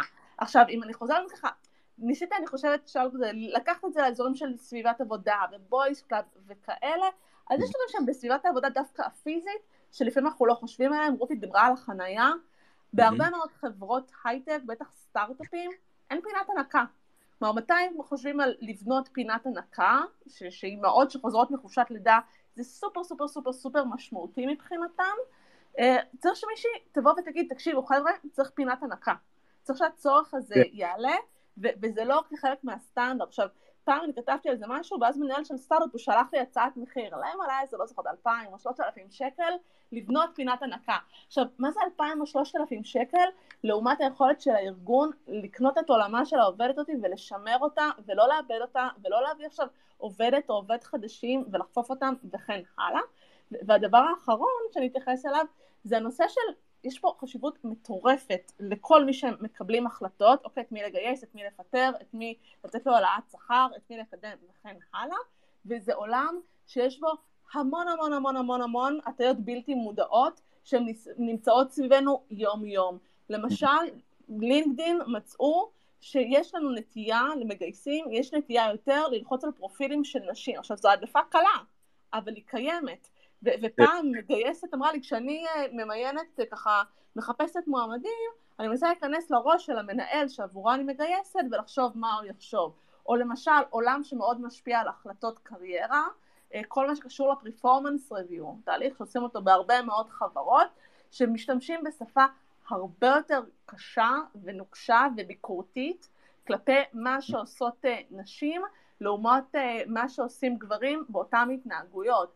אז פה למשל ככה, אם יש כאן אה, מבין המאזינים שלנו מנהלים, מנהלות שעושים באמת פרפורמנס uh, רוויו וממלאים את זה על, ה, על העובדים והעובדות שלכם, תשאלו את עצמכם, כאילו, האם לעובד ולעובדת הייתם נותנים את, uh, את אותם פידבקים, האם אפשר לנסח את זה במילים אחרות, כי בסוף הדברים האלה, זה הכל הרבה הרבה דברים קטנים, אבל הם משפיעים על, על קריירות של נשים ועל יכולת הקידום שלהן. אני חייבת לחזק אה, את מה שענבל עכשיו אמרה, זה ממש ממש נכון, הנקודה של אה, הנקה, אה, למשל, ואני מאוד מתחברת לזה, אני יודעת שיש אצלנו בדיחות קצת בתוך שיקות, זה לנושא שבחברות הייטק מאוד מאוד, בהרבה מהם מאוד מאוד מקבלים שהם מגיעים עם הכלב לעבודה, אבל mm-hmm. סליחה להשוואה, אבל פחות עם תינוק. ויש פינה לכלבים, ויש אפילו משחקים בשבילם, וזה מאוד מקובל, אבל תכלס תינוק זה משהו שהרבה פעמים בשקט, ו... אה, והנקודה הזאת של להגיע, ולרוב אנשים אין את היכולת לעשות את זה. אה, אה, הרבה נשים זה בדיוק השלב שבו הן עוזבות את התעשייה ועוברות בדיוק אחרי החופשת לידה של הילד הראשון או השני ואם מסתכלים על נשים רווקות אז גם אז בהקשרים אחרים או נשים באופן כללי כמעט תמיד יש אני הייתי באיזושהי חברה בינלאומית והיה כזה יש כל מיני קבוצות, אז היה קבוצת כדורסל, אז היה ברור שזה לא קשור אליי. או הייתי באיזשהו מקום של כל מיני יזמים, והיה קבוצת uh, פוקר, דווקא אני משחקת פוקר, אבל זה בכל זאת לא היה קשור אליי. כלומר, היה דברים שבאמת הרגשת. אוקיי. הרגשת ברמה החברתית, uh, מה שקוראים לו מבחן הבירה, ומישהי שאחת הסמנכ"ליות של שיקו, עכשיו uh, שכאן, שרון היי, אמרה לי את זה, וזה ממש נכון, שמאוד מאוד מאוד נוכח. אה, הדבר הזה, ו, וזה פשוט, זה בדיוק הבייס הלא מודע הזה, שנמצא בכל מקום, ופשוט אתם לא, הרבה מהגברים לא, לא שמים לב אליו. לא כן, ויש הזדמנויות, לא... אני חושב שזה לא... זה ה boys club, שבדיוק מפספסים. אני חושב שאין שום סיכוי בעולם שדבר כזה נגיד יכול להיפתר באיזשהו אה, policy מסודר של חברה, עם כל הרצון הטוב, אלא רק אם באמת יהיו נשים בהנהלה של אותה חברה, ש, שיודעות להביא את הזווית הזאת, נכון? זאת אומרת, ענבל, זה, זה לא שאת עכשיו מנחה חברות איך לעשות את זה עם, עם איזשהו תקנון, הרי זה לא יעבוד, נכון? בגדול, אני, אני לא יודעת אם אני במיוט או לא. שומעים אותי? יש, נכון? אה, כן. זה כן. צריך להיות פה מאמץ משולב, עכשיו כאילו יש משהו נורא מתסכל, כשרוצים להכניס תהליך של שינוי מגדרי, זה קצת מתסכל, כי גם, קודם כל יש חברות מאוד גדולות שמנסות ולא מצליחות, גם יש לנו בסוף כאילו מגבלה, כי יש קאפ נכון של כמה, כמה נשים יש בתעשייה, וגם זה משהו שצריך להיות כל הזמן מודעים לו, ולעשות הכשרות, וכל אחד מאיפה שזה רלוונטי לו. לדרג ניהולי, אז חשוב שידעו נגיד באמת את כל הדברים שקשורים לסביבת עבודה באמת במונחים היותר כאילו של, של החוויה ומה שקורה שם ותהליכי גיוס וקידום לניהול וכן הלאה. ומי שיותר באזורים ה-HRים יש להם את הדגשים שלהם וגם לנשים יש מה לומר, צריך לעשות כאן איזשהו מאמץ שהוא אה, משלב את כולם וגם אין כאן איזשהו פתרון אחד שמתאים להכל. ויש גם אזורים שאין הרבה מאוד מה לעשות איתם, יש עולם שלם שנקרא micro-aggressions micro-aggression זה התנהגויות שככה, אם אני אתן נגיד דוגמה, אוקיי, שבוע שעבר הייתי בדיון, אה, העליתי איזושהי הצעה, איזשהו אה, רעיון, לא הייתה לזה התייחסות, כמה דקות אחרי זה גבר הדהד אה, את אותו רעיון שאני אמרתי, ואז קיבלו את הרעיון שלו, וכולם כל הכבוד, ונה נה נה, והנה כן. כמו שהוא אמר, כמו שהוא עשה. עכשיו, זה התנהגויות שאנחנו יודעים, יש דאטה וכן הלאה, שנשים יותר סובלות מהן, יותר נגיד מתפרצים לנשים בזמן שהן מדברות וקוטעים אותן. עכשיו נגיד, מכל הדברים, אם עכשיו נדבר על איך לייצר עתודה של מנהלות, אני יכולה עכשיו לבוא ולהגיד לכם, הנה דברים שאפשר לעשות בכל מיני רמות, ואיך אנחנו נתאים את תהליכי הגיוס, יש מה לעשות נגיד, אבל בעולמות האלה באמת של איך אנחנו פותרים את העניינים האלה, שהם עניינים הרבה יותר עמוקים שהם ככה חברתיים, שם באמת, כלומר, אני אשמח גם לשמוע, לא מצאתי פתרונות בית ספר שעובדים, הרבה יותר קשה ברגע האמת שיש באמת דיון ולא נותנים למישהי לדבר, הרבה יותר קשה לשנות את זה, אבל זה דברים שהם מאוד משפיעים על החוויה של mm-hmm. נשים בהייטק, ושוב, שאל אותה, כמה פעמים העלית באמת את הנושא של להיות האישה היחידה בחדר, זה חוויה שיש להרבה קבוצות מיעוט בתוך החברות ש- שאנחנו נכון. חיים בהן, זה לא רק לנשים. רגע, בהקשר הזה באמת לעשות מעבר ולצרף אה, את, אה, כמה מהמאזינים שלנו, למעשה מאזינות, וקודם כל נגיד אה, את, ערב טוב לחברתי יעל ויזל, שנמצאת עכשיו במכונית מלאה ילדים קטנים וצורכים, אבל בכל זאת הסכימה להצטרף לשידור שלנו, את איתנו יעל? אולי איזה ילד בדיוק תופס שם את הדיבורית או משהו כזה? יעל? שומעים אותי? שומעים אותי? שומעים נהדר, מה העניינים? ערב טוב. מעולה, מה קורה? איזה כיף, כל החברה טובים פה. אז יעל, האזנת לשידור שלנו מההתחלה, ואני לא יודע, אולי זה הפתיע אותך לשמוע שיש איזה תקרת זכוכית לנשים, כי אם מסתכל ככה על קורות החיים שלך, נראה שהיא אף פעם לא ממש עמדה בדרכך, נכון? הביוגרפיה שלך אה, נשמעת, סליחה על ההשאלה, קצת כמו ביוגרפיה של אה, גבר מצוי בהייטק. היית אה, בתפקיד טכנולוגי בצבא, למדת, אה, קיבלת השכלה גבוהה, טכנולוגית ברמה הגבוהה ביותר, הקמת חברה ומכרת אותה, עשית אקזיט, זה נשמע ממש כמו ביוגרפיה גברית. אז אני אגיד שאתה אפילו קצת מתפרץ לדלת פתוחה, ואני ככה שומעת את הדיון ואני אומרת לעצמי ש... אם אני אעלה ואשתתף, אני חושבת שאני עשויה אולי להשמיע קול שהוא לא פופולרי והוא לא כל כך אה, נעים. אה, ואני דווקא, אה, ככה, אני אהיה כנה ואגיד שאני קודם כל פונה לנשים. אה, ואני חושבת שאנחנו, אם אנחנו רוצות להיות חלק מההייטק ורוצות להוביל ורוצות להיות בחוד החנית, אנחנו קודם כל צריכות לעבור את המסלול שמביא אותנו לשם. אם זה אומר אה, לשאוף עד כמה שניתן אה, אה, לעסוק בעולם הטכנולוגי וללמוד יחידות טכנולוגיות או ריאליות בתיכון, אחר כך למשוך ולדחוף את עצמנו לתפקידים צבאיים, לתפקידי פיקוד, קצונה, לאחר מכן לתארים טכנולוגיים חזקים. אני למדתי הנדסת חשמל בטכניון, מתוך אסטרטגיה שאני רוצה לצמוח ולהוביל אה, ולהיות אה, ממש מנהיגה בסקטור הטכנולוגי בישראל, אה, ואני חושבת שככל שאנחנו נהיה יותר מיינדד לבניית הקריירה שלנו, גם של החיים שלנו אגב, אבל גם למשוך אחרינו ואיתנו נשים נוספות ולהגיד, תשמעו, זה לא מפחיד, כולנו יכולות לעשות את זה, ובואו נתחיל. אז קודם כל, אני חושבת שזאת חובתנו, ואנחנו צריכות להיות לא פחות qualified מכל מתמודד אחר. אני לא רוצה שיעשו לנו הנחות אה, ברזומה, ואני רוצה שכל אה, חברת השמה וכוח אדם יגידו למעסיק, וסליחה רגע על השפה המלוכלכת, יגידו, תקשיב, יש לי פה מועמדת, טוב, אני אדבר יפה, חבל על הזמן, בסדר? ו... נותנת אה, בראש לכל שאר המועמדים פה. ככה אני רוצה שיציגו אותנו. אה, ואני חושבת שקודם אה, כל אני פונה אלינו הנשים, אנחנו צריכות לעשות את זה יותר, אה, וצריכות לסחוף אחרינו, אה, אבל כן אני אגיד שיש קליקות. וכמו שאמרתם, נכון שכל אחד רוצה לקדם את שכמותו, בטח בעולם ההייטק שיש המון טיסות לחו"ל, אנחנו מבלים כולנו במשרד אינסוף שעות הרבה יותר מכל, ממה שאנחנו מבלים בבית ועם חברינו. ופה נדרש, נדרשת באמת קצת יותר, אני לא אגיד סובלנות, אבל פתיחות, ולראות איך באמת מצליחים לגוון את הקשת. מתוך, אה, כמו שרות אמרה וכמו שאתם אמרתם כמה פעמים, ראייה אסטרטגית, פול... אסטרטגית אה, כלכלית, לא מתוך טובה, לא כי זה כן. נחמד, אלא כי כשיש אה, חברה מגוונת, אז יש גם הצלחה כלכלית בצידה. ברור.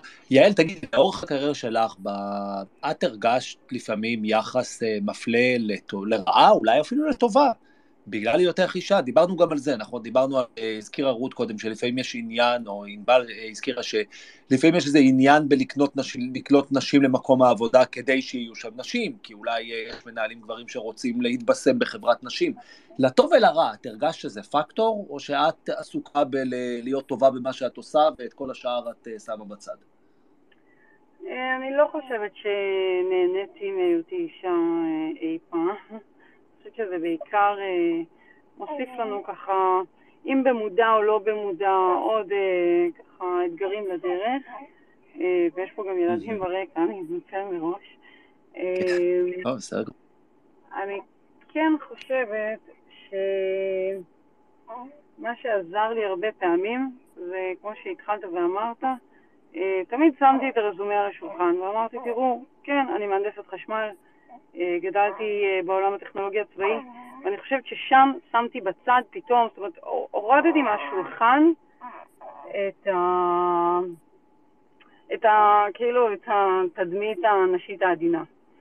אה, כן. אני חושבת שזה עוזר. שוב, לדבר מקצועי ולהיות מקצועית, להראות שאת לא פחות מקצועית מאחרים, זה מה שעבד עבורי, ואני חושבת שיעבוד עבור כל הנשים. פשוט להתמקד בעיקר. אנחנו באים לעבודה כדי להיות מקצועיים, לעשות את העבודה, אה, וכמו ששחר אמר, להביא גם אה, את התמורה הטובה ביותר למי שקיבל אותנו לעבודה או למשקיעים. זה מה שהוביל אותי לאורך כל הדרך, ואני חושבת שצריך להיות אה, נר לרגלי כולם.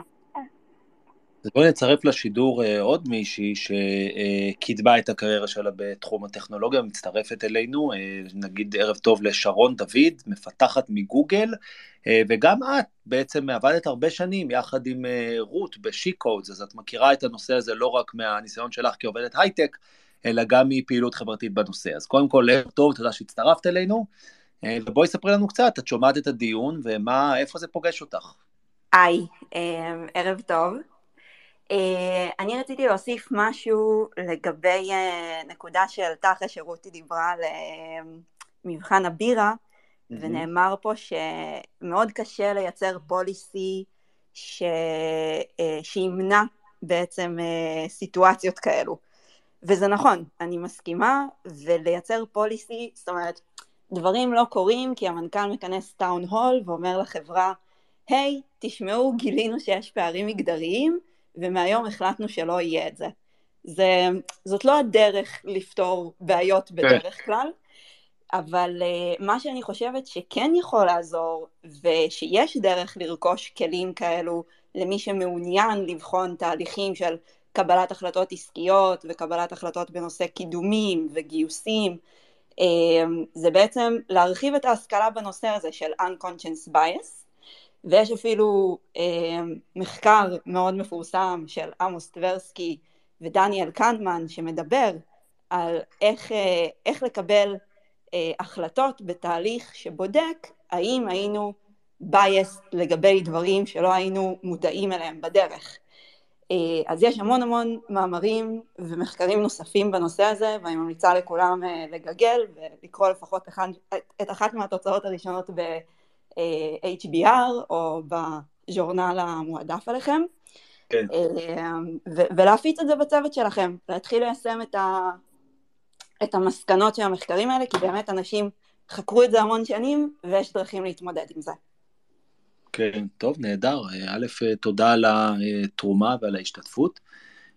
בואו נדבר קצת על מה, ככה ברוח סיכומית, לקראת סיכום הדיון, מה אנחנו יכולים, איזה עצות אנחנו יכולים לתת לאנשים, לגברים ונשים כאחד, מנהלים ועובדים, איך לייצר סביבת עבודה שבאמת תהיה יותר מאפשרת, יותר תומכת, תכסה, תייצר את מה שקראנו את תיקון האפליה, או את איזון ההזדמנויות כדי באמת לאפשר לנשים דריסת רגל גבוהה יותר בתעשייה. אני אשמח פחות לתת את העצה, אלא יותר להגיד מה, מה, מה אני עושה פשוט, בתקווה רבה שזה יצליח. אז כמה דברים במקביל. קודם כל, אנחנו עכשיו מגייסים שלושה תפקידי הנהלה יחסית בכירים, ושאול, לפני שאמרת את הניסוי שעשית עם ה-Headhunting Company בעבר, קצת ביאסת אותי, כי זה מה שאני עשיתי עכשיו, אני מחכה לתוצאות. וואלה. VP R&D. אני רוצה להגיד לך מלכתחילה שזה לא יעבוד. עדיין, אני אנסה. VP R&D, VP Sales בארצות הברית ו-CRO.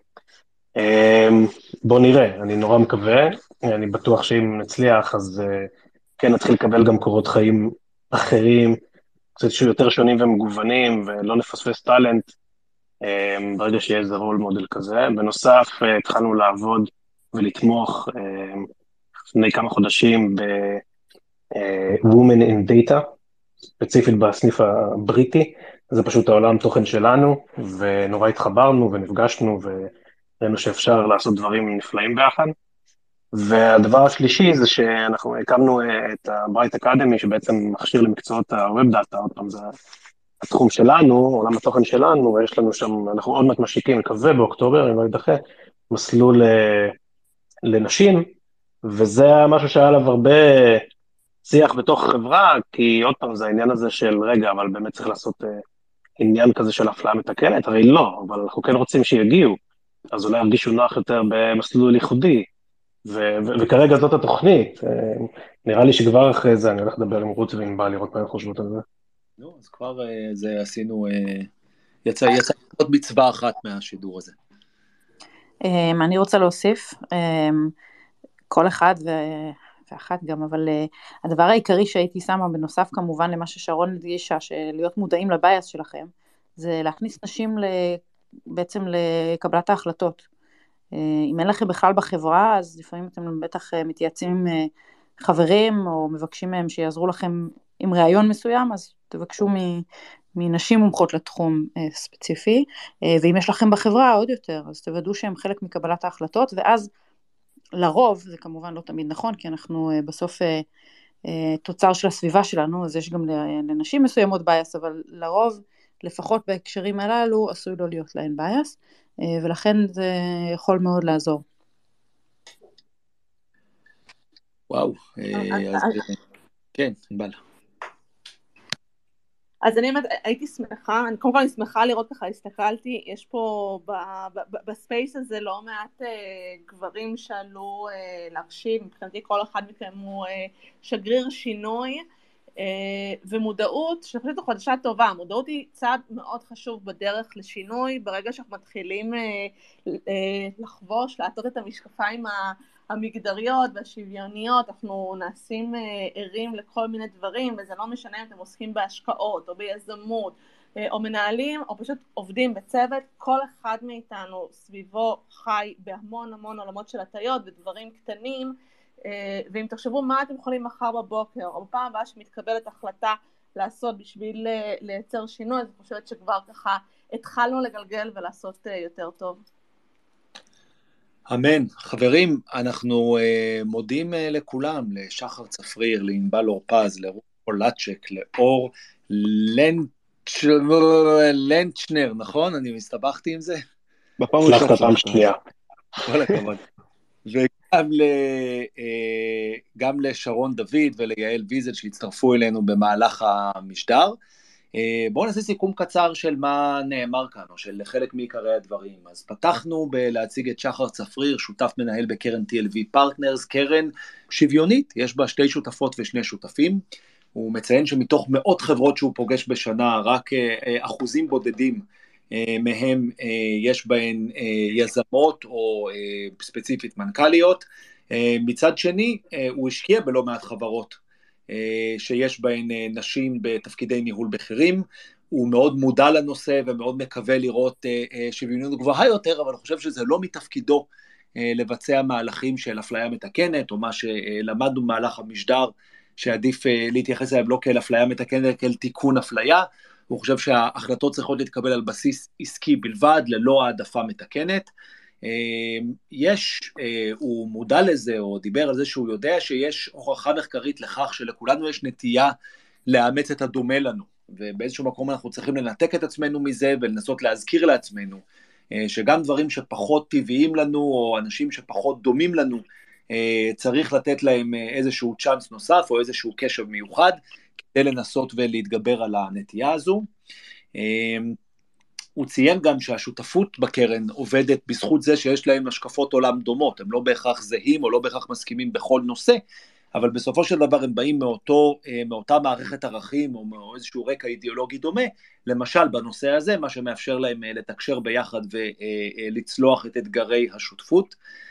דיברנו גם עם ענבל אורפז, מייסדת ומנהלת של אישה בהייטק ובעבר עיתונאית הייטק בדה מרקר, וגם כיום יועצת לחדשנות אסטרטגית, והיא דיברה על זה שהאימפקט הגדול יבוא מחינוך בגיל צעיר ומאיזושהי הסללה כבר מגילאים צעירים של נשים לתפקידים ניהוליים או בכירים יותר, אבל התהליכים האלה הם תהליכים ארוכים ואסור לחכות לתוצאות שלהם, כי הפירות שלהם, אנחנו נראה אותם רק בעוד שנים ארוכות, ובינתיים המוד...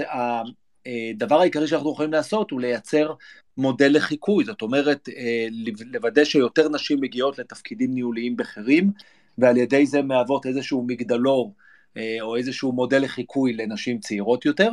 היא דיברה על הנושא העיקרי או המכשול העיקרי בתחום העבודה לנשים, ההשפעה של אימהות, בהתחלה של הריון, ואחר כך של חופשת לידה, ואחר כך של גידול ילדים, שזה עול שגם בחברה שאנחנו חיים בה היום עדיין אינו שוויוני בדרך כלל, נופל בדרך כלל על נשים, וההשפעה של אימהות היא הגורם הקריטי שמשפיע על היכולת של נשים להשתלב במקום העבודה.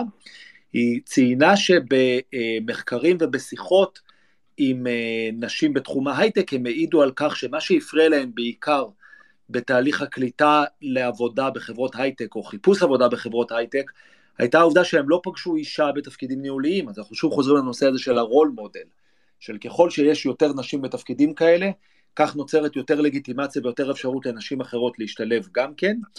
דיברנו איתה וגם עם רות פולצ'ק שהצטרפה לשידור, הצטרפה לשיח שלנו, על כל נושא האפליה המתקנת, או תיקון האפליה. ודיברנו על זה שיש הרבה מאוד דברים בסביבת העבודה שמעוצבת בעיקר על ידי גברים, שגם אם לא מתוך כוונה רעה וגם אם לא מתוך מודעות, הן עדיין מדירות נשים. שזה קשור ללשון הפנייה בניסוח תיאורי משרה למשל. זה קשור באווירה שיש בה סממנים גבריים מובהקים שאולי לפעמים גברים אינם מודעים אליהם. דיברנו שבאופן טבעי בן אדם מחפש בן אדם שדומה לו, ונשים העידו על זה שבמקום העבודה ה vibe שהיה להם בתקשורת עם נשים היה שונה והרבה יותר מכיל ומאמץ מאשר ה vibe שהיה להם עם גברים. צירפנו לשידור גם את אור, שסיפר לנו, אני לא מסתבך אם להגיד את שם המשפחה שלו פעם נוספת, אז נקרא לו רק אור. אור שסיפר על שיעור שהוא קיבל ממדענית בנאסא, שסיפרה על ההתלבטות שלה האם להגיש קורות חיים למשרה, ועל ההיסוסים שהיו לה, ואיך רק בעקבות לחצים חיצוניים היא עשתה את זה, ובסופו של דבר התקבלה למשרה, שאולי הרתיעה אותה מלכתחילה, בגלל, כמו שאמרנו, לשון הפנייה ואופן התיאור, והעובדה שלא היו נשים מסביב להסתכל עליהן ולהרגיש בבית, להרגיש שייכת.